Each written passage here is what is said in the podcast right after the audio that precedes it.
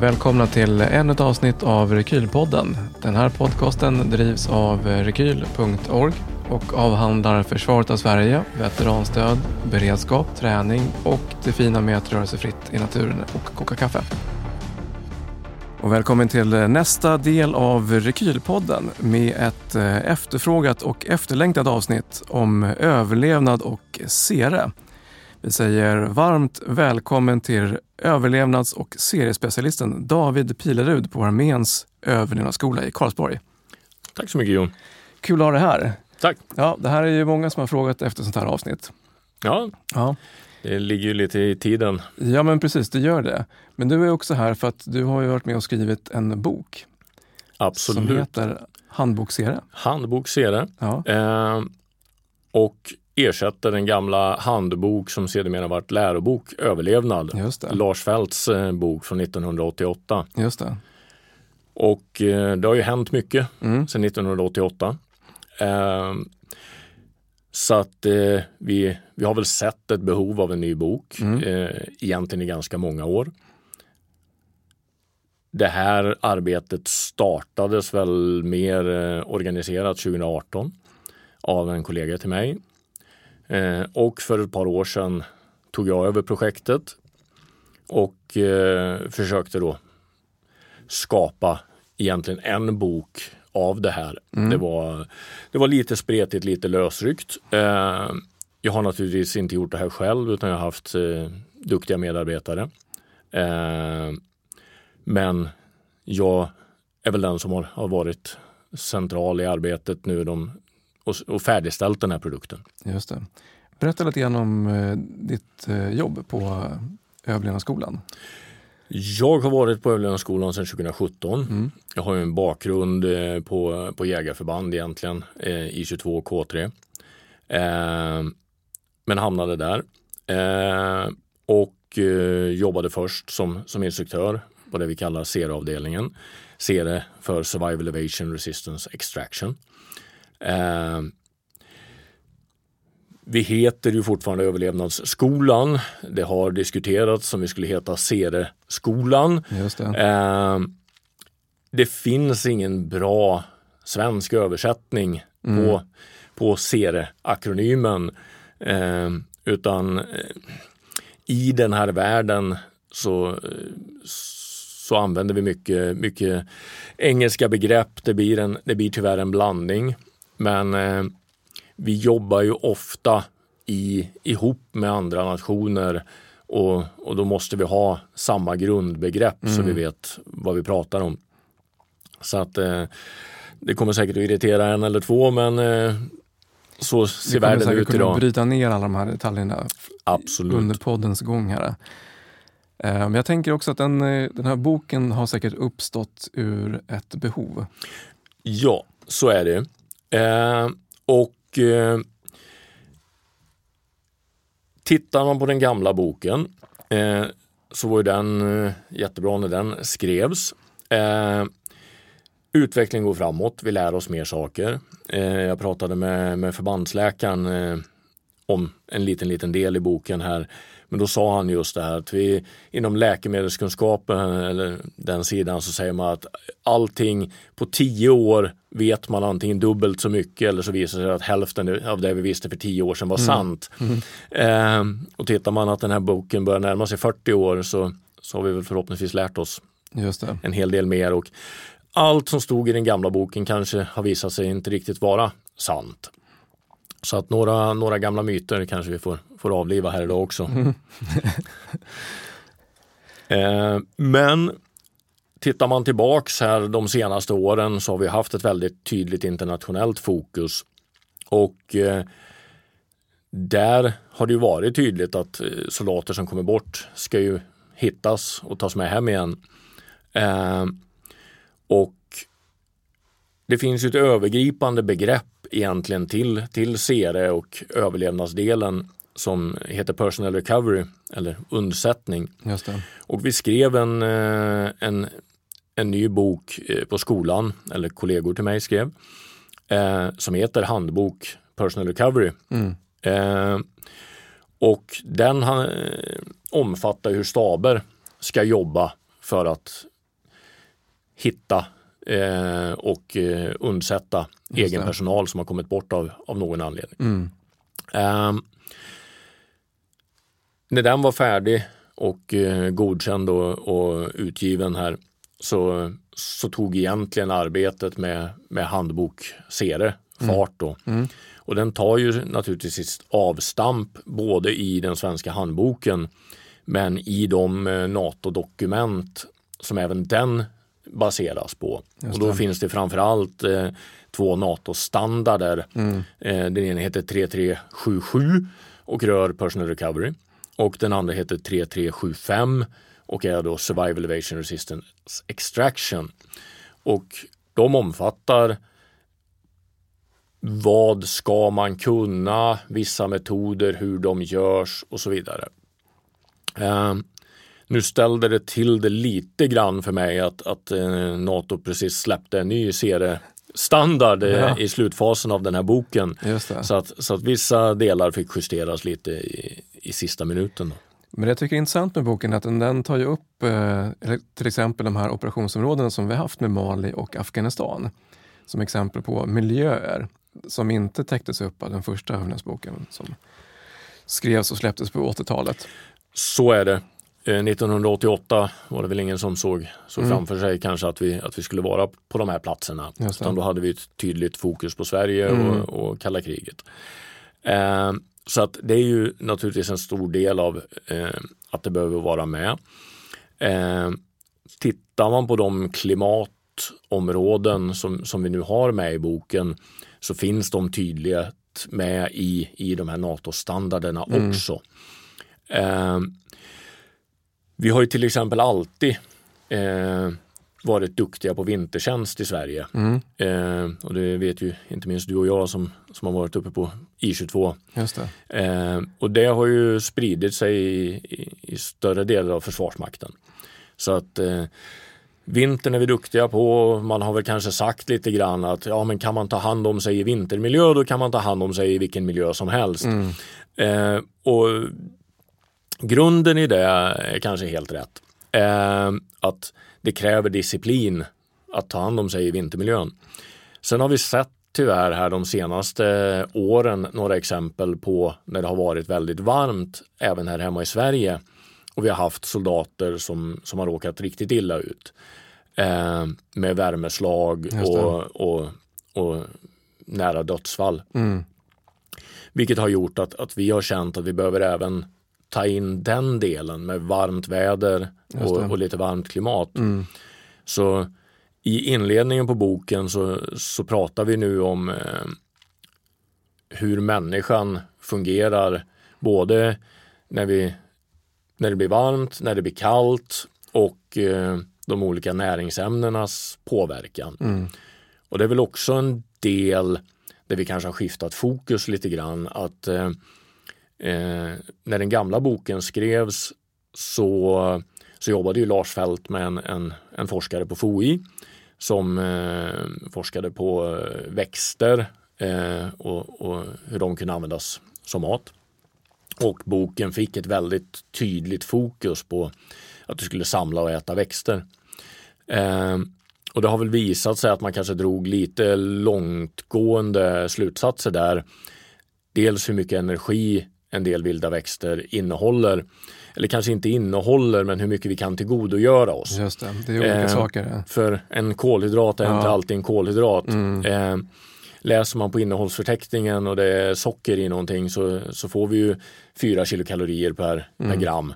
Eh, tittar man på växtstärkelse så kanske vi får i oss i bästa fall en eh, kilokalori per gram. Mm, Eh, och därför har det visat sig att vissa av de här värdena kanske var då fyrfalt överdrivna med hur bra det var. just det. Eh, Ja, men en sån episod var när man stod och eh, kokade skägglav i skogen och det tog ju timmar att urlaka den här skiten. ja. Och så blir det någon form av snorgegga till slut som man skulle häva i sig.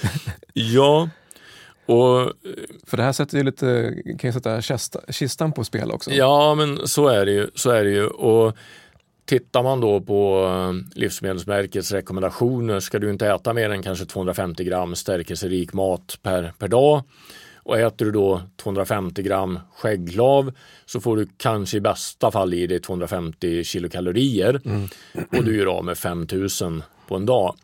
Eh, sen ska man kanske inte helt ta ifrån eh, att det är någonting att äta Mm. Skägglaven har varit debatterad. Ska vi ha den kvar? Ska vi så? Det finns kanske situationer just vad det gäller skägglav där du söker skydd i en stuga, du ska ändå elda, det mm. finns kastruller, snön utanför dörren, mm. det är vinter. Det enda som växer i, i norra Norrland som du kan äta på vintern är i stort sett skägglav ja då kanske du lika gärna kan ha lite skägglav i, i det här vattnet och, och göra det här eh, eh, snoret eh, och, och, få i dig någonting. Eh, men annars egentligen oavsett vad vi tittar på för växter eller så vad som finns tillgängligt i naturen. Ska du gå jäms upp med vad du förbrukar eller till och med gå plus, då är det nästan jakten vi är tvungna att falla tillbaks på. För det är också någonting som jag tycker skiljer eh, den här boken. Och det här är ett intressant eh, skifte också. Att man fokuserar mer på makro, alltså mer på de här, det som du snabbt kan tillgodogöra dig för stor energi som inte tar jättemycket tid. Nej. Och att man har också ett mål med sin, om man blivit eh, separerad då från sin grupp eller pluton eller vad det kan vara för någonting. Så man har något mål. Så är det. Och eh, det här går ju in Eh, som vi nämnde då så har vi ju survival, evasion, resistance, extraction. Mm. Survival, överlevnad. Eh, naturligtvis har vi en del nya saker i, i boken. Eh, men eh, det är väl det som är mest likt det som, som fanns i den förra boken. Mm. Så har vi evasion, eh, dold framryckning skulle man kunna översätta det till. Eh, resistance är ju olika typer av fångenskap eller hur du ska agera mm. i en fångenskapssituation. Ja. Och eh, extraction är egentligen ett helt nytt kapitel. Hur du antingen tar dig tillbaka till egna förband eller blir undsatt med, med olika delar. Just eh, så att eh, boken har ju växt. Den är väl eh, nästan tre gånger så, så tjock. Ja, det är många sidor här kan jag säga. Ja, 400, jag tror att det är 450-ish mm. sidor ja. Eh, som är, är text. Sen kommer det ju alltid lite mm. redaktionell information och annat, annat på slutet. Då. Eh, vi har väl även tittat då, förutom det här att förklara personal recovery-delen för att Berätta om uh, personal recovery. vad, vad är det och, och, hur utförs det? Ja, eh, personal recovery är egentligen ett paraplybegrepp mm. till, eh, till SERE. Mm. SERE är ju en del av personal recovery. Eh, det är ju till stor del de metoder som staber, eh, undsättningsförband och den som har blivit isolerad ska förhålla sig till för att man ska lyckas med den här operationen. Mm. Och tittar man då på den här NATO-standarden som är en, en, en bok som är minst lika tjock som, som den här boken eh, så beskriver den just de tre ingående delarna och mm. hur de ska agera. Eh, där har vi liksom grunden och vi beskriver det lite kortfattat i boken för jag räknar inte med att den enskilde soldaten kommer att ta ut en, en handbok personal recovery och sen mm. sila ut de här guldkornen som är viktiga för dem. Då. Eh, och tittar vi på personal recovery så har vi idag ett samarbete med utbildning eh, inom Euro, eh, European Defence Agency eh, samarbetet med, med ett antal länder eh, där vi utbildar på stabs, stabskurser. Mm. Eh, men det är ju på en högre nivå. Eh, tittar vi sen ner på soldatens agerande så är det ju det som vi egentligen då ytterligare broderar ut i den här boken.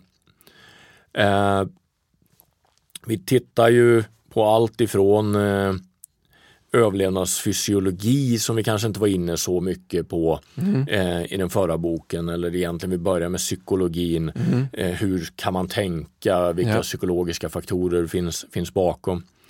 Eh, och sen fysiologin där fysisk träning till exempel tas upp som en, en ganska stor del och det, det, har ju till och med varit uppe nu i, i debatten här efter eh, Folk och Försvars konferens så var det ju flera eh, personer som gick ut och pratade just om, om, om vikten av fysisk träning och mm. det tyckte jag var lite kul för det är någonting jag har redan hade tagit med i, i boken här. Ja men precis, den är eh, många gånger en förutsättning för att kunna klara sig över lång tid. Och psyket såklart, eh, de två parametrarna. Absolut. Att prylar kanske är en eh, mindre fokus men att eh, eh, fysisk, eh, ja, fysiken och att mindset hänger med. Plus att man har övat det här. Vilka är det som får SERA? SERA finns också i serie A, serie B, serie C och så vidare. Kan du beskriva dem? Börja med serie A. Serie A är ju den mer grundläggande. Mm. Eh, det är ju mer överlevnadsbiten. Hur bygger jag ett, ett skydd? Hur kan jag få tag i föda? Mm. Eh, tillreda föda till viss del. Eh, det får alla, alla soldater idag som gör grundutbildning. Vi har även där stoppat in lite granna serie B med hur man eh, kontaktar eh, personer och så vidare. Så att man ska ha en, en viss förmåga att undsätta eh, inom, inom alla förband. Mm. Eh, serie B, då går man upp på, på en nivå högre att, eh, och där delar man in det i en eh, låg risk för eh, isolering eller ja, tillfångatagande exploatering. Eh, och så har vi mediumrisk och där har man... CRB mediumrisk. CRB mediumrisk. Mm. Eh, och det har varit kopplat till stor del till internationell tjänst. Eh, och då får man lite mer utbildning, man får lite resistance-utbildning. Eh, du får lite utbildning kanske om vissa eh, klimatspecifika saker i landet du mm. åker till. Där har vi haft det här med lite varmt väder, eh, utbildning. Eh, vissa farliga djur, ormar kanske blir ett större problem om man åker till Mali eller mm. Afghanistan till exempel. Eh, CRC är ju den högsta nivån och den har ju varit egentligen förbehållen piloter, det var där det började. Eh, specialförband, eh, vissa militära enheter, spaningsförband och lite annat som kanske uppträder eh, väldigt isolerat mm. Eh, får CRC-utbildningen. Eh, det är både en längre utbildning, vi pratar serie A eh, ett par tre dagar, serie B ungefär en vecka och serie C två veckor ungefär. Eh, förutom att du får mer utbildning så är det ett antal metoder för att bli undsatt och hur man använder vissa koder. Eh, koder som, som inte alla kommer att ha tillgång till. Eh, de som har varit i utlandstjänst känner igen att inom CDB hade man ofta eh, veckans kod eller Code of the Week. Mm. Eh, Medans inom, inom CDC så har man ett antal andra eh, koder som är specifika och som, som, som delges i en särskild order och bara till, till viss personal då som absolut behöver den. Eh, och eh, ska, ska ett annat förband eh, undsätta en CRC-utbildad person mm. så kan man till exempel då få tillgång till en specifik kod eller någonting för att identifiera just den här personen. Just det. Någonting som vi inte heller höll på med i den gamla boken är något som kallas för ISOPREP, en Isolated Person Report. Mm. Eh, då är vi inne på förberedelser, att jag innan jag ger mig ut i, i, i det farliga området har skrivit ner eh, information om mig som person, eh, personliga koder, eh, hur, hur jag kan bli identifierad till exempel med tatueringar, R på kroppen eller mm. annat. Mm. Och det kan man också då ge tillgång till till ett undsättningsförband Ja, som ska ja. ut och leta reda på en Ja. person. Jag fattar. Ja, intressant.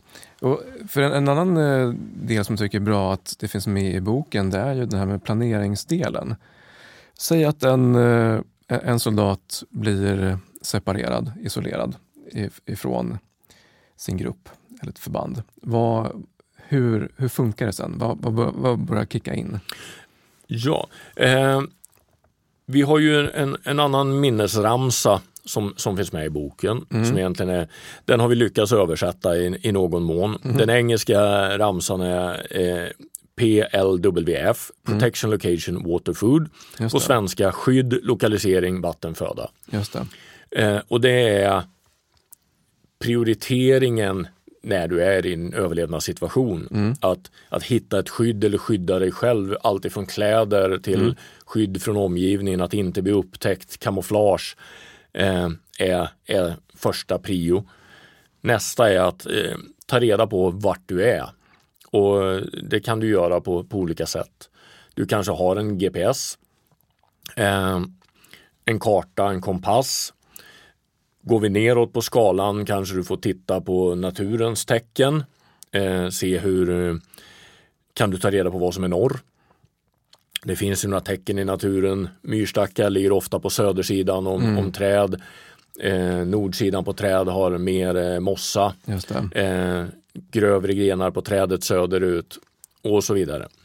Eh, kan man stjärnbilder, stjärnbilder, åtminstone en stjärnbild höll jag på att säga, eh, Karlavagnen. Och så tittar man på de två stjärnorna i bakkant och så följer man dem uppåt så hittar man Polstjärnan. Just det. Polstjärnan rakt streck ner mot horisonten pekar mot norr. Mm.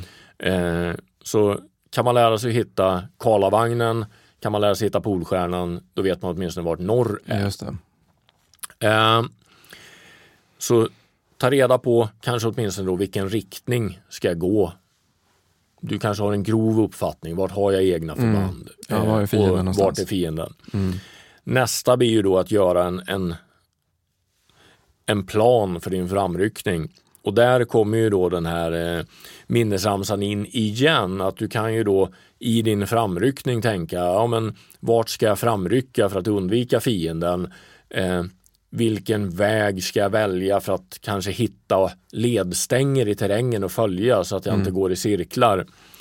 Eh, och i nästa steg kommer vi tillbaks till vatten som är den tredje prioriteringen för att det finns ju en, en, en gammal minnesramsa att du klarar dig eh, tre dagar utan vatten. Eh, det är kanske inte alltid sant. Är du i en öken kan det gå betydligt fortare och så vidare. Men, men som mm, grundregel så ja. Eh, och då kanske du ska söka dig en väg där du kan hitta vatten. Och om du har hittat vatten så är det ju lämpligt kanske att följa en bäck om bäcken går åt det hållet du vill. Eh, det här var en, en metod som jag har, har funderat lite grann på hur, om jag landar mitt i, i skogen, hur, hur ska jag ta mig ut? Eh, och eh, jag tog med mig det här, jag var nere i Amazonas i sju veckor på, på brasilianska arméns djungelstridskurs där. När jag satt i helikoptern ovanför Amazonas och du ser bara grönt ända till horisonten så tänker man, trillar man ner här då är det ju ganska hopplöst. Eh, men ganska snart när man går i djungeln och även här hemma i, i våran skog så kommer du till en bäck. Och följer du den bäcken nedströms så kommer du till en större bäck. Och till en större bäck och till en större bäck och sen kommer du till ett vattendrag eller till en sjö. Och där finns det nästan alltid någon form av bebyggelse. En stuga eller ett hus. Även om Just du är det. i norra Norrland och du är längst ut i ingenstanset, kommer till en sjö så finns det någon sommarstuga, jaktstuga, någonting som du kan, kan hitta skydd i tillfället i alla fall. Och den fjärde prioriteten är ju föda. Eh, och där kan man ju säga att eh, ungefär tre veckor klarar man sig utan föda. Det är ganska lång tid ändå. Det är ganska lång tid. Eh, så När man, är, när man är hungrig framåt lunchtid på, på, på jobbet ja, exakt. är det ju svårt att, att, att tänka tre, så. Men... tre veckor kvar. Precis. Um, och det är ju i slutändan, jag menar naturligtvis kan du svälta ihjäl för att du får slut på, mm. på, helt på energi. Det första kroppen gör det är ju att den förbränner de kolhydrater du har. Mm. Sen kommer den ju att, att gå över på en fettförbränning. Du går in i ketos. Eh, och naturligtvis kommer du att förbränna till del muskler. Eh, musklerna kommer även också påverkas av att du inte tillför protein. Så fort vi rör oss, jobbar, så bryter vi ner muskler, så mm. äter vi protein och så bygger vi upp musklerna igen. Det här eh, var ju någonting man kanske missade lite i den gamla boken där man helt fokuserade på kolhydraterna. Att eh, ja, visst, snabb energi, om du ska springa ett maraton, ja men då är det socker som gäller. Mm. Men ska du vara ute en vecka, då är det proteinet som plötsligt blir det viktigaste. För att du kommer att bryta ner, du måste få i dig protein för att bygga upp. Mm. Annars kommer vi att bryta ner kroppen. Eh, och sen har vi några, några vitaminer som inte heller då fanns med i den gamla boken. Man skrev lite grann om C-vitamin i den, i den gamla boken men jag tror när jag, när jag tittade att vi har haft ett, ett fall av skörbjugg i Sverige sedan 1967 och tittar man hur folk lever då eh, mer utsatta människor så, så kanske inte C-vitamin är det allra viktigaste. Men tittar vi på B1 och B2 mm. vitaminer och till del magnesium mm. så när när fångar hungerstrejkar i fängelse, det de dör av är B-vitaminbrist. För, För den kan man inte lagra hur länge som helst? Väl? Nej, du kan inte lagra.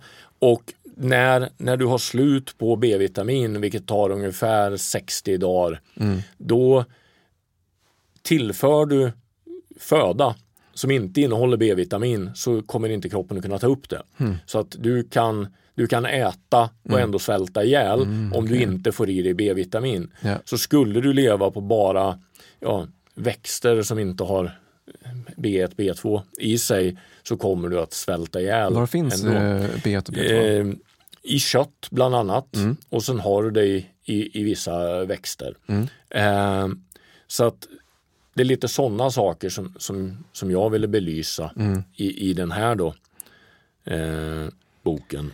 För tre veckor är lång tid. Det händer mycket annat i psyket också. Det, jag tror jag läste någonstans i boken att det är många som kaosar ur efter kanske tre dagar. För att psyket inte hänger med helt enkelt. Stressen, pressen på att kunna ta sig därifrån och skräck och så vidare. Absolut, absolut. Eh, och det finns en, en, en bra eh, studie i det här eh, av en man som heter Leash eh, som heter The Won't to Live Eh, alltså att hjärnan stänger av. Mm. Eh, och det finns många exempel faktiskt, eh, många fler än vad vi tar upp i boken. Men eh, där, där folk bland annat i, i eh, förintelselägren eh, under andra världskriget där man tappade viljan att leva mm. och även om du hade alla fysiska förutsättningar att överleva så dog du ändå. Mm. så hjärnan är en väldigt viktig del. Och det är ju någonting där som, eh, som, som vi tar upp eh, i, i boken, i den delen om psykologi, att eh, bästa sättet att förbereda sig är ju att utmana sig själv, eh, både fysiskt och psykiskt. Eh, kanske springa långt. Mm. Kanske inte så långt som jag brukar göra, men, eh, men eh, när, jag, när jag började hålla på med ultralöpning så, så brottades man ju mycket med psyket. Eh, och det gör man väl till del fortfarande om man ska springa 16 mil. Mm. Att det finns stunder när man funderar på varför håller jag på med det här? eh, ja. Men tränar man sig på det eh, så, så, kommer man ju att, att vänja sig vid att, att göra tuffare och tuffare grejer. Ja, men det handlar mycket om inställning. Jag läste också ett exempel på en, eh, tror han var med i, var det japanska eller kinesiska flottan och sånt där som drev iväg. Skeppet sjönk, men han hittade någon drivved att hänga omkring på. Ja, eh, minns jag rätt hette han Lim Poon. Ja, och Eh, precis. Och Och, var lärde sig simma till och med själv Ja, också. men precis. En, en, en kines som jobbade åt brittiska flottan Mm. Eh, och eh, var väl den enda överlevande i en, en liten eh, träbåt. Eh, och eh, nu har jag inte i huvudet tyvärr hur många dagar han satt, men det var länge. Det var anmärkningsvärt länge. Väldigt länge. Eh, det var flera båtar som passerade honom Mm. för att de trodde att han var japan och inte plockade upp honom. Mm. Men som du säger, han, han lärde sig simma. Han drog ut en spik ur den här båten med tänderna och eh, fiskade och lyckades fånga fisk. Eh, och eh, lyckades som sagt överleva. Det finns ju ett nyare exempel. En eh, man utanför Australien med sin hund i en båt, segelbåt, eh, eh, som varit sittandes väldigt, väldigt länge och också överlevde på regnvatten och eh, fisk. Mm. Eh, och om jag minns rätt, bortåt hundra dagar, Just någonting det. sånt, innan, innan han var räddad. Ja. Eh, och ja, men det gör man inte om, om man ger upp. Mm. Och eh, så länge klarade du ju inte helt utan föda heller. Nej, precis. Så att eh, på något vis måste man ju lösa Exakt. de delarna. Och där har du ju problemet att du behöver vatten Mm. du är omgiven av vatten men du kan inte dricka Nej, saltvatten precis. för eh, vatten med för hög salthalt Mm. kommer att eh, ha omvänd effekt. Det kommer att torka ut dig och när du dricker så salta saker så kommer du dra vätska från övriga kroppen för att kroppen ska kunna hantera det här vilket gör att du, du torkar ut kroppen genom att dricka saltvatten. Så att eh, saltvatten ställer ju lite andra eh, krav. Nu finns det ju vattenreningsmöjligheter med omvänd osmos och sådana saker som, Mm. som man har i livflottar. Men, men eh, vatten till, till havs är ett problem. Ja, men det är det. Och vatten generellt också verkar vara... Där har ni tänkt till just på hur man samlar in det, vad man inte samlar in det. Och även någon gammal eh, myt om det här med rena vatten i en ölburk. Ja men precis. Eh, det var någonting som jag, som jag fick lära mig när, när, jag, när jag började på skolan. Att eh, eh, den gamla ölburken eh, som verkar ha spridit sig. Jag vet inte vart den kommer ifrån. Eh, var Lars Fält först? Plockade han upp den någon annanstans? Mm. Jag har ingen aning tyvärr, men den fanns i boken. Att du bygger ett, ett vattenreningsfilter av en, en ölburk eller egentligen vad som helst i den storleken. Du fyller den med lite stenar i botten och lite sand och lite torv och lite kol. Och, och sen häller du vatten igenom och sen, sen blir det drickbart. Vi hade en tidigare kollega på skolan, eh, Urhagen, som gjorde en, eh, en studie på det här ihop med, om jag minns rätt, Chalmers. Eh, och det visade sig väl att det fungerade inte alls.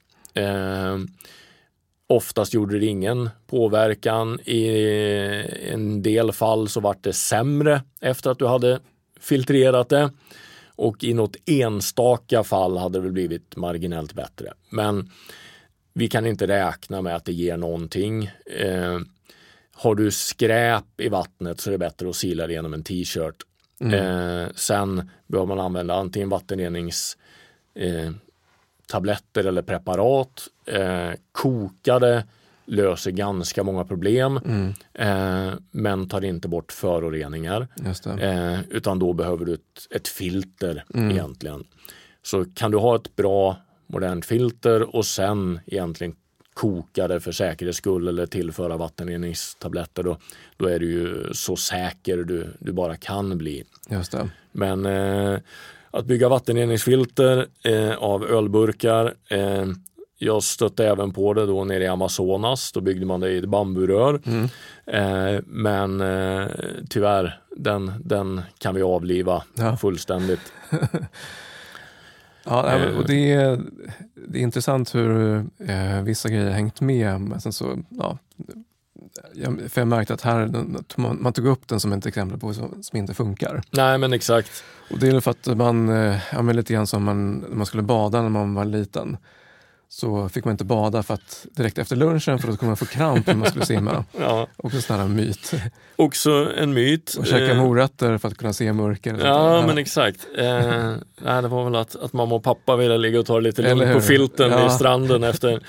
Eh, nej, det finns väl ett par stycken till som jag tagit bort. Det ena är ju det som internationellt kallas för the Swedish Compass. Att du tar en jättelång pinne i handen Mm. och sen ska du då gå rakt genom skogen. Och det har man ju också testat och eh, nej, det hjälper tyvärr inte. Eh, plus att om du framrycker genom skogen i en överlevnadssituation kanske du ska ha händerna på vapnet snarare än att släpa runt på en stor pinne. Just det. Eh, sen kommer väl jag få klä skott för vissa saker som vi har tagit bort. Eh, när boken var ute på remiss så kom det tillbaka med att ja men varför har ni tagit bort eldgropen? Det fungerar ju jättebra. Eldgrop i det här fallet då, det var att du gräver en, en grop i marken, klär den med sten, eldar i den i ett antal timmar så stenarna blir varma och sen kan du ta kött till exempel om du har eh, skjutit någonting lägga ner det i gropen, gräva igen den och så har du i princip en ugn och, eh, och bakar den här maten. Absolut, det fungerar. Men tittar man på tidsåtgången, att du ska gräva gropen, leta reda på stenar, elda eh, och sen gräva ner och maten ska ligga där medan Ja, den blir färdig. som- Ja, men nästan. Och använder du då den tiden att framrycka och lyckas du hitta ett, ett djur, du skjuter det eller eh, fångar det, eh, tar en del av det, grillar eller kokar beroende på vad du har för möjlighet, men du gör det på enklast möjliga sätt och framrycker vidare. Ja, men då har du ju kommit jättelångt på den tiden. Ja men exakt, jag läste också någonstans om att det är, om man, om man kollar så här, den mest avlägsna delen av Sverige, det är inte jättelångt till nä- närmsta väg. Nej, det är inte det, utan eh, på, på ett par dagar så, så kommer du kunna promenera ner till, till en väg och ta dig till, till någon slags bebyggelse. Och här får man ju titta att, jag menar naturligtvis även om, om Sverige skulle bli invaderat så kommer ju inte fienden att vara överallt utan de kommer ju fokusera på, på större platser, eh, centralorter, större vägar och så vidare. Mm. Eh, alla vi som har varit på, på, på jägarförband har väl vid något tillfälle legat och haft oplats mot någon liten grusväg på något skjutfält och räknat stridsfordon. Utan att man kanske egentligen har, funderat på, men är det här fienden kommer att framrycka? Nej, men de kanske kör E18, E20, de stora vägarna. Sen kommer de kunna finnas på andra platser, men, men mindre vägar, skogsvägar, stigar, där har vi kanske låg risk att, att träffa fienden. Nej, men just tiden att det tar att så här, samla in grejer och, som den, den här, gamla skolans överlevnad. Då var det mycket att hänga under en gran och elda. Ja, eh, du skulle bygga ett skydd, du skulle leta växter och, och det här är också en sak som jag har, naturligtvis om man nu är Lim Poon i sin träflotte där, han hade naturligtvis tråkigt eh, Ja. några gånger. Eh, men det har ju varit något man ofta har pratat om att ja, men du har tråkigt i en överlevnadssituation. Och ja, har man övat eh, överlevnad på ett militärt övningsfält där ingenting ätbart finns, eh, utan du bygger ett skydd och så sitter du där, ja, då blir det jättetråkigt. Jag tror ju att i en modern överlevnadssituation där du framrycker och försöker undsätta dig själv så, så kommer du inte att hinna ha så tråkigt. Nej. Utan du måste hela tiden tänka på vart, vart går jag? Eh, var på helspänn ifall fienden dyker upp eller kanske ett bytesdjur. Eh, och eh, agera framåt och vara lite proaktiv. Eh, sen kommer du kanske behöva bygga olika typer av skydd. Eh, men där tittar vi mycket på ja, men, enklast möjliga metod. Till exempel om du har en, en poncho i din, i din packning eller en tarp eller eh, till och med en, en, en sopsäck om du klipper upp den på någorlunda rätt sätt räcker att skapa ett litet regnskydd av. Och den tar 30 sekunder att sätta upp. Mm.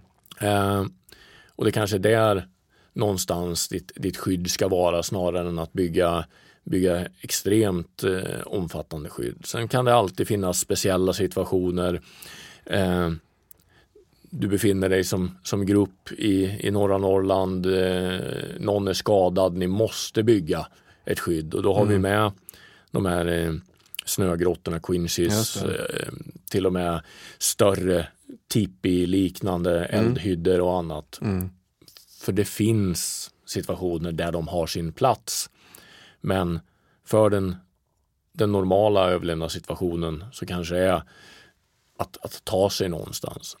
Ja men precis, och särskilt om eh, nu riktar sig boken till, till alla i försvaret egentligen. Ja. Det är inte bara jägarförbanden utan det är liksom alla som skulle Så är det. Så är det. någonstans. Och det tycker jag kanske också saknades lite i den gamla boken var just i en bristsituation så kanske det är bra att ha titta i sitt område där man nu är, är stationerad. Vad, vad, finns det här? Mm. Eh, det kanske odlas saker. Det kanske finns eh, eh, bondgårdar, lantbruk som har djur.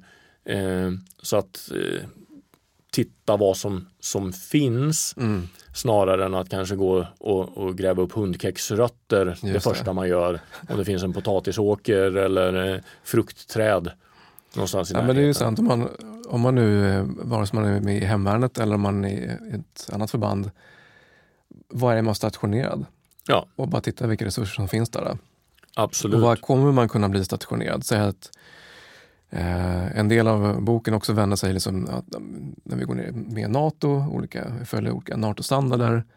Det är bara att ta med sig samma resonemang där. Nu kommer vi vara i Lettland säger vi. Ja, då rekar man det i förväg. Ja men absolut och det här har ju ofta gjorts på ett ganska bra sätt när vi har åkt till Afghanistan till exempel. Mm. Att, att du har en, en liten bok eh, med information om, om landet, mm. vilka farliga djur finns det och, och så vidare. Så att eh, samma sak måste vi nog tänka ifall det blir andra insatsområden. Eh, att vad har jag? Mm. Vad, har jag vad kan jag förlita mig på? Ja, men exakt. Mycket i den här världen handlar ju om färdighet snarare än prylar.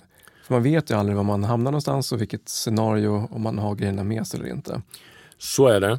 Eh, och vi på skolan får ju då och då frågorna kring, kring prepping. Mm. Eh, och det jag brukar säga är att det börjar med dig, eh, din fysiska förmåga. Eh, I nästa steg skaffa dig kunskap. Gå, ta en jägarexamen mm, eh, till exempel. Ja, men då har du ju någon slags grund att falla tillbaks på att, att jaga. Eh, naturligtvis har ett visst mått av utrustning sin plats och titta på lite basal campingutrustning, mm. ett, ett kök, sovsäckar, eh, knivyxa, lite sådana saker. Men jag kanske inte tycker att man behöver bygga upp ett, ett lager av, av silvertejp det första man gör mm. för att man kanske hamnar i en nödsituation utan det finns, det finns andra saker att fokusera på. Så man ska bara med sig någonting i fickan? Vad, vad är det som kan liksom förlänga sin, sin tiden och sträckan eh, som man kan avverka? Både det man bär, jag höll på att säga på daglig basis, mm. nu, nu, är vi i någon mån begränsade av, av, av lagar, mm. vad, vad, får man ha i fickan? eh, men med en kniv kommer man ju långt. Eh, och jag tycker, när jag till exempel i, i boken så finns det ju exempel på, på eh, ja, seriekit eller mm. överlevnadsaskar som det också har kallats. Eh, eh, piloterna har ju alltid haft lite utrustning så. Det har inte funnits någonting bra för soldaten. Jag har plockat ihop vad jag tycker. Det är naturligtvis min eh, personliga syn på det här. Men eh, det är ingen som har sågat det än så länge i alla fall. Men då får man ju titta vad, vad är svårt att ersätta ute i naturen. Mm. Eh, till exempel en, eh, en, en kniv är jättesvårt ja visst, det finns flinta där ute och annat och stenåldersmänniskorna löste, men ja, men det är svårt. Eh, nu har ju de flesta soldater någon typ av kniv på sig. Mm. Eh, så det jag har i min överlevnadsutrustning, där har jag stoppat ner blad till mattknivar. För de väger ingenting, tar ingen plats. Men om jag ska slakta ett djur, om jag behöver eh, göra någon mindre kirurgisk åtgärd på mig själv, mm. eh, plocka ut stickor eller annat, då är de vassa och, och finns där. Eh, starta eld utan hjälpmedel mm. är ju jättesvårt. Ja, du kan bygga såna här pilbågar och annat, men det kräver kunskap om, om träsorter och annat. Ett eldstål är kanske mm. grunden i att, att göra eld något enklare. En tändare, ja naturligtvis, men återigen, det kanske många har i fickan, en stormtändare eller någonting. Eh, men ett eldstål tycker jag är jättebra. Eh, för att ta få fart på elden, eh, ett par tamponger. Eh, bomull mm. brinner mm. jättebra. Eh, det finns ju andra produkter på marknaden eh, som, som är, kanske är bättre men kostar mer och är svårare att få tag i. Men en eller ett par tamponger kan du, en tampong kan du starta två brasor med. Mm. Du skär av den på mitten, fluffar upp den, eldstålet, det brinner direkt. Lite torrt kråkris och du har en brasa. Ja.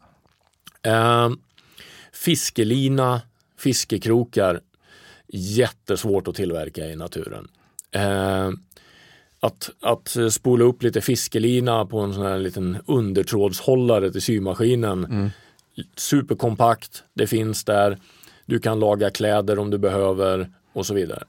Eh, fiskekrokar tar ingen plats, enkelt att ha med. Ett par synålar tar ingen plats, mm. väger ingenting. Eh, sen finns det mer saker, men där någonstans. Eh, en kompass är ju naturligtvis det, något de flesta har på sig. Mm.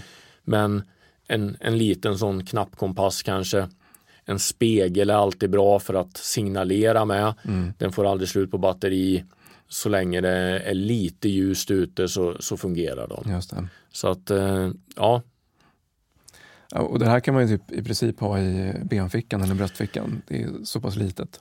Det är ju det som är det viktiga. Att mm. Blir det för stort, ja men då har du det i någon ryggsäck ja. eller väska eller någon mm. annanstans och då får du inte med dig. Utan det måste rymmas i, i en ficka på uniformen mm. eller kläderna du har. Och har du det inte med dig så har du det inte. Nej. Utan eh, det. det. ska vara så litet och så kompakt. och och så optimerat mm. att du alltid kan ha det med dig. Mm. Ja, för det finns en hel uppsjö med grejer som man skulle kunna plocka på sig. Men som du säger, har man är det för mycket bös så har man inte det på sig längre. Nej, nej. Kanske det bästa fallet ligger i ryggsäcken. Oftast ligger det bara hemma och skräpar. Så är det. Så är det. Så att absolut, eh, det jag har i boken är någon slags grund. Mm. Eh, sen, sen kan man ju välja utifrån det. Jag har naturligtvis stoppat med en del extra saker eh, som man kan fundera på då. Eh, jag tror att det finns med en liten eh, nedkapad tandborste för att ja, men, hygienen är viktig mm. men eh, det är svårt att göra. Du kan tugga på pinnar och annat mm. och, och borsta tänderna men återigen, sen får man ju välja ja, men får det här plats i mitt kit? Mm. Ta fram de grejerna du, du tror är viktiga och sen eh, packar du ihop det och så stoppar du det i, i fickan på jackan du har varje dag och känns den tung, ja men då får du börja plocka ur saker mm. och så får du väl jobba upp och ner tills du kommer fram till vad som känns ja, bra precis. för dig. Och de, I de flesta fall i den civila världen så det här är så långt ifrån behoven som det bara går för att allting finns tillgängligt såklart. Så är det. Men som soldat så ska man ju kanske ibland jobba utanför civilisationen då. Ja. Eh, men någonting annat som har också slagit mig det är också fokus på urbana miljöer och det är eh, Förbanden finns där i urbana miljöer, eh, även hemvärnet är i urbana miljöer, oftast inte alltid. Eh, men det är stort fokus på det, vilket är också intressant för det ställer helt andra krav. Ja, Ja, men så är det. Eh, den urbana miljön är ju extremt komplex. Mm. Och kan man undvika städer så kanske man ska försöka göra det. Speciellt om man är i ett annat land och, och, och så. Och som du säger, striden kommer ju ofta att stå i och kring bebyggelse Så att eh, risken att stöta på fienden är kanske extra stor i bebyggelsen också.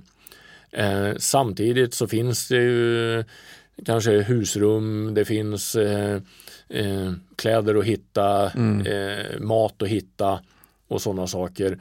Eh, hur ska man framrycka? Eh, och det som gör det ännu mer komplicerat är ju vart på konfliktskalan befinner vi oss. Det. Är, det, är du på fientligt territorium i ett fungerande samhälle så har vi ju hotet idag eh, med kameror, AI som upptäcker saker. Eh, vi har drönare. Eh, vi ser ju dagligen bilder på på ukrainska och ryska soldater som upptäcks mm. av drönare och, och det släpps handgranater på dem och så vidare. Eh, det hotet kanske är ännu större i den urbana miljön. Hur ska du smälta in eh, din kamouflageuniform som kanske ger dig det bästa skyddet ute i skogen kanske ger dig det sämsta skyddet i den urbana miljön. Hur, hur ska du förklä dig mm. om du måste passera genom en, en bebyggelse obemärkt. Mm. Ska du gå över jord? Ska du gå under jord? Ska du använda kloaksystem? Eh, vilka risker finns det med det? Allt ifrån eh, basiller, sjukdomar, djur. Eh, I vissa städer fylls ju kloaksystemen upp extremt fort med vatten så fort det regnar eh, och du drunknar om du är där nere. Så återigen en extremt komplex miljö där vi ändå någonstans har försökt ta upp några förhållningsregler. Ja, men det tycker jag ni gör bra för det, det, går igenom i alla scenarier. Både när det kommer till ren överlevnad men också att kunna eh, framrycka dolt till exempel. Hur man gör det eh, och även eh, eh, som du säger, faror och hur man kontaktar andra och så vidare. Så den, den kommer tillbaks om och om igen, vilket är bra, tänker jag. Mm, mm, mm. mm. Eh, du nämnde ju eh, hemvärn tidigare. Just det. Eh, och det är ju någonting som vi inom, inom PR, eh, Personal Recovery och undsättning, ser, ser som en enorm resurs. Just för att eh, är vi för att backa bandet utomlands, eh, ja, men då har vi ofta undsättningsförband att förlita mm. oss på. Eh, men tittar vi på ett, ett krig, ett scenario, det är bara att titta på Ukraina idag, eh, kan undsättningsförband flyga in hur som helst och plocka ut eh, piloter som trillar ner? Nej. Eh, och helikoptrarna kanske behövs till andra uppgifter. Men om någon blir isolerad, till exempel en pilot, över svenskt territorium, då har vi ju i princip hemvärn överallt mm. i Sverige. De finns ju redan där på marken och därför har vi ju en, en kurs inom eh, PR riktad egentligen mot hemvärn. Sen kommer vi se om den kommer att vara kvar som en exklusiv hemvärnskurs eller om vi öppnar den för andra förband på, på lägre nivå upp till mm. bataljon, brigad. Men hur kan vi då från, från den högsta nivå och det är ju egentligen från flygstaben få ner informationen att det står en pilot, svensk eller utländsk, någonstans på marken mm. till det lokala hemvärnsförbandet som i sin tur kan skicka ut ja, en grupp motsvarande i, i ett fordon och titta, finns det en pilot här? Och i sådana fall plocka upp. Mm. För många gånger handlar det om att, ja, men kan vi plocka upp dem? Ja, men då blir överlevnadssituationen väldigt kortvarig och enkel. Och där har vi ju ett problem idag att tänder du din eh, nödradio och börjar skicka ut en nödsignal så vet ju aldrig vem som plockar upp. Just det. Och det finns ju många exempel från Ukraina där, där det faktiskt skjuts på, på nödradiosignal så att när, när din beacon Just börjar det, pinga så, så, så, lägger de artilleri på det, Just det. tämligen omgående. Mm. Och även att, att bygga signaler på marken och så vidare mm. upptäcks väldigt fort av, av olika typer av drönare, UAV, eh, R-pass eh, och, och det skjuts Just de positionerna. Ja, men den är ju väldigt viktig, som du säger, hemvärnet finns ju överallt. En grej som också eh, stack ut lite grann, det är ju det här med Genèvekonventionen. I många fall så bygger hela upplägget på att Genèvekonventionen följs. Så är det. Eh, och det är också en del eh, som är, är, är, ganska ny i boken. Eh, den gamla boken tog upp krigsfångenskapen lite mm. grann. Nu går vi in även på kidnappningsdelen. Mm.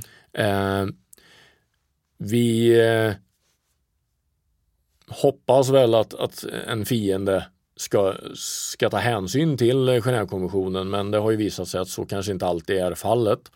De är kanske i någon mån medvetna om den i alla fall men blir man tillfångatagen av en extremistgrupp då kan ju situationen se helt annorlunda ut och risken att du blir eh, avrättad är betydligt större. Eh, så det är också lite nya, nya delar, nya förhållningssätt. Mm. Och det och, ser man också eh, i Ukraina att där Genèvekonventionen den eh, följs inte från den ryska sidan åtminstone. Nej, nej så är det ju absolut och, och speciellt eh, har man ju sett eh, när det har varit då eh, ja, hur vi nu ska kalla, benämna Wagnergruppen och, och mm. det är ju en, en statlig, icke-statlig aktör.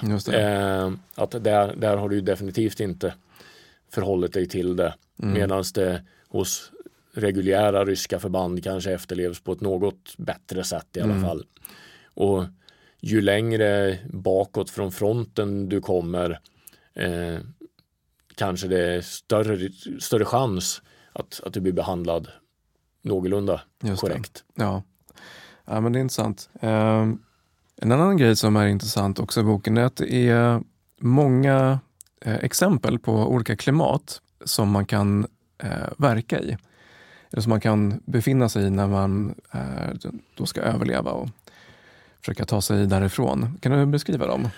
Ja, eh, det är också någonting som, som kanske inte riktigt fanns i, i den gamla boken och eh, här har vi valt de här eh, klimatområdena för att det var de som, som finns med i den eh, eh, NATO-standarden. Då. Men eh, vi har ju arktisk miljö, bergsmiljö, öppet vatten, urban miljö, djungel och öken. Mm. Eh, där vi försöker plocka in vad som är specifikt i just de miljöerna. Och det ligger ju som ett, ett sista kapitel i boken. Mm. Så det som ligger i arktisk miljö. Det gäller ju för ganska stora delar av, av Sverige. Eh, bergsmiljö lite grann i våran fjällvärld. Nu har vi inte riktigt så höga berg till större delen men, mm. men vi kommer in lite grann i det. Vi har ju väldigt mycket vatten mm. i det här landet och öppet vatten behöver inte bara vara hav, det kan ju även vara sjöar. Eh, nu kommer inte vi att gå superdjupt in på livflottar och annat för att eh, ansvaret för det ligger hos marinen och eh, flygvapnet. Eh, den urbana miljön som du nämnde och vi har även djungelmiljön och ökenmiljön mm. med mm. de specifika delarna. Och naturligtvis, här kan man ju dela in en bok på, på hur många olika sätt som helst. Ska de här specifika delarna in i varje eh, kapitel i Sere, att ja, men förflyttning i mm. vintermiljö ska det ligga i det andra förflyttningskapitlet, ska förflyttning i djungelmiljö ligga också. Men vi valde att, att lyfta ut de specifika delarna, alltså boken i grunddelen mm. fokuserar på det tempererade klimatet mm. som vi har i i norra Europa och till stor del i Sverige. Och sen de mer extrema klimaten, då, då får man titta i, i de separata styckena. Just det, ja, men det känns som en vettig uppdelning. Som du nämnde, urban, där, där finns ju med eh, i nästan alla delar. Ja, Vad skiljer ja. det från eh, terräng till exempel? Ja, ja. Ja, det är intressant. Ja, men den, är, den är bra. Och så jag vet att eh, nere i, eh, i Karlsborg, ni har ju inte bara utbildningar för eh, försvaret utan även andra utbildningar också. Ja. För journalister eh, till exempel? Ja, nej, men det har vi absolut. Eh, våran viktigaste kurs, eller vad man ska säga, vår huvudkurs är ju CDC-utbildningarna. Mm. Mm. Eh, CDA genomförs ute på förbanden. Och då eh, utbildar ni instruktörerna i sin tur? Så att säga. Ja, så vi har ju en, en instruktörskurs mm. som går fyra veckor på sommaren, två veckor på vintern. Och det är ju för att det ska finnas överlevnadsinstruktörer, eller serieinstruktörer som det heter nu för tiden, eh, på förbanden för att utbilda i, i A och serie B. Så det sker på förbanden. Eh, sen har vi en serie B plus-utbildning för eh, vissa, eh, framförallt observatörer som ska ut i internationell tjänst. Sen har vi serie C-kurserna för de eh, högriskpersonalen då. Eh, och Sen finns det lite annan utbildning också. Bland annat som du nämnde, vi har en kurs eh, varje år för eh, journalister eh, som är, är lite speciell. Den, den följer inte våra övriga kurser riktigt men eh, lite hur man ska kunna uppträda, hur man ska tänka, förbereda sig. Sen, sen plockar vi naturligtvis delar ur, ur våra, våra andra kurser. Är det den som brukar Eh. sammanfalla i september när vi kör per endurance race? Eh, kan det vara så? Jag, jag kommer faktiskt inte ihåg om det är den eller om det är en eh, serie C-kurs. Men eh, ja, eh, det är någonting som ligger ungefär samtidigt. Mm. Eh, men det, ja, tänk, planering och så lite andra mera handgripliga saker som hur man kan ta sig ur byggnader och det finns ju med i våra, våra andra kurser med då med fining med, med tillfällig material, Mm. allt ifrån brandslangar till flätade sopsäckar Just och så det. vidare. Ja, intressant. Jag vet, vi har ju fått frågan eh, många gånger här på Rekyl också om att eh, ha en överlevnadsutbildning. Ja, Eh, så det, det ligger nog i farans riktning att vi kommer ta fram en framöver. intressant. Så vi får väl återkomma där helt enkelt. Absolut. Eh, vi har ju redan den här First Responder som har verkligen eh, blivit varmt emottagen eh, som vi kör nu rätt snart här, två omgångar till. Så att, eh, det finns så mycket på utbildningssidan som det finns kvar att göra tänker jag. Eh, och Man Absolut. märker att intresset är ju stort. Och där har ni också en, en väldigt viktig sak med, med först respondern just att, att ta hand om en akut skada. Mm. Eh, det spelar ju ingen roll hur duktig du är på den långsiktiga överlevnadsutbildningen om du börjar med en, en blödning och inte kan ta hand om det antingen på dig själv eller på, på en kamrat. Ja, då blir Så man att, snabbt eh, stående där. eh. Så är det, så är det. Och eh, det är ju kanske någonting som, som går att titta djupare på i våran del också. Att Mm. en pilot som skjuter ut sig kommer kanske inte att vara 100 procent när de landar på Nej. marken utan eh, skador från, från att, att skjuta ut sig från stridsflygplan är ju Mm. en, en överhängande risk. Så, att, eh, eh, så är det. Har ni haft något eh, personal recovery eh, internationellt eller nationellt? Eh, vi har väl inget jättebra svenskt exempel Mm. eh, som, som jag kan ta upp. Eh, men eh, naturligtvis eh, räddas det folk. Eh, nu är det ju inte alltid det är öppen information hur, hur det går till Nej. alla gånger. Men, men eh, allt ifrån enskilda personer som, som hämtas. Och, och det finns ju många historiska exempel där, där folk, eh, främst piloter, men, eh, men har blivit undsatta på både kort, kort och lång sikt. Mm. Eh, och så nästa steg är ju eh, kidnappningsdelen. Men eh, de delarna kanske inte alltid framkommer i hela sitt ljus i, i media då. Nej, och det är väl planen Eh. också att inte göra det. Nej men precis. Och där kan det vara allt ifrån förhandlingssituationer till Mm. att någon sparkar in dörren och, och hämtar. Just. Eh, men eh, det är ju någonting som det här pågår. ställer ju, jag tänker också i den dagen vi är med i NATO, att då förväntas man kunna ha den här förmågan att kunna hämta upp eh, vad ska man säga, allierade helt enkelt. Så är det. Eh, tittar man på, på det här med värdlandsstöd Mm. eh, så förväntas det ofta att, att det finns en, en PR-förmåga. Sen kan vi aldrig lova att vi kommer att hämta upp en pilot inom så och så lång tid eller Mm. alla kommer att bli hämtade och så vidare. Men, men att det finns en, en personal recovery-struktur i, i landet. Det, det behövs och det måste vi ha. Just det. Vilka är det som eh, har lead på personal recovery i Sverige? Eh, vi är ju egentligen den, den eh, mm. skolan eh, som, som har, har lead på att, på att utveckla det här. Sen kan man ju säga att de som har namnat det mest är ju egentligen flygstaben och i vissa stycken högkvarteret. Eh, för det är ju ganska flygvapencentriskt mm. i, i många stycken och det är väldigt enkelt att se att ja, men en pilot sitter antag, antingen i sitt flygplan och, och, har det ganska bra eller så står han på marken och har det ganska dåligt mm. och då behöver han hämtas. Eller hon. Eh, armén har väl kanske varit lite svårare att, att, få med på båten men det, det vi försöker sälja in här är ju att ja, men det är inga häxkonster utan eh, det finns ett antal verktyg i eh, verktygslådan mm. utöver det vi vanligtvis använder för strid och några saker att tänka på och ta hänsyn till innan för att kanske inte hamna i den här situationen. Men eh, armén har kanske varit lite svårare att, att, få med. Just det. Men där är ni, å andra sidan. Ja. ja.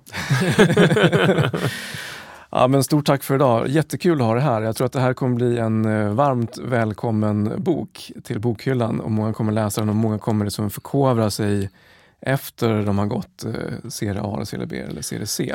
Ja.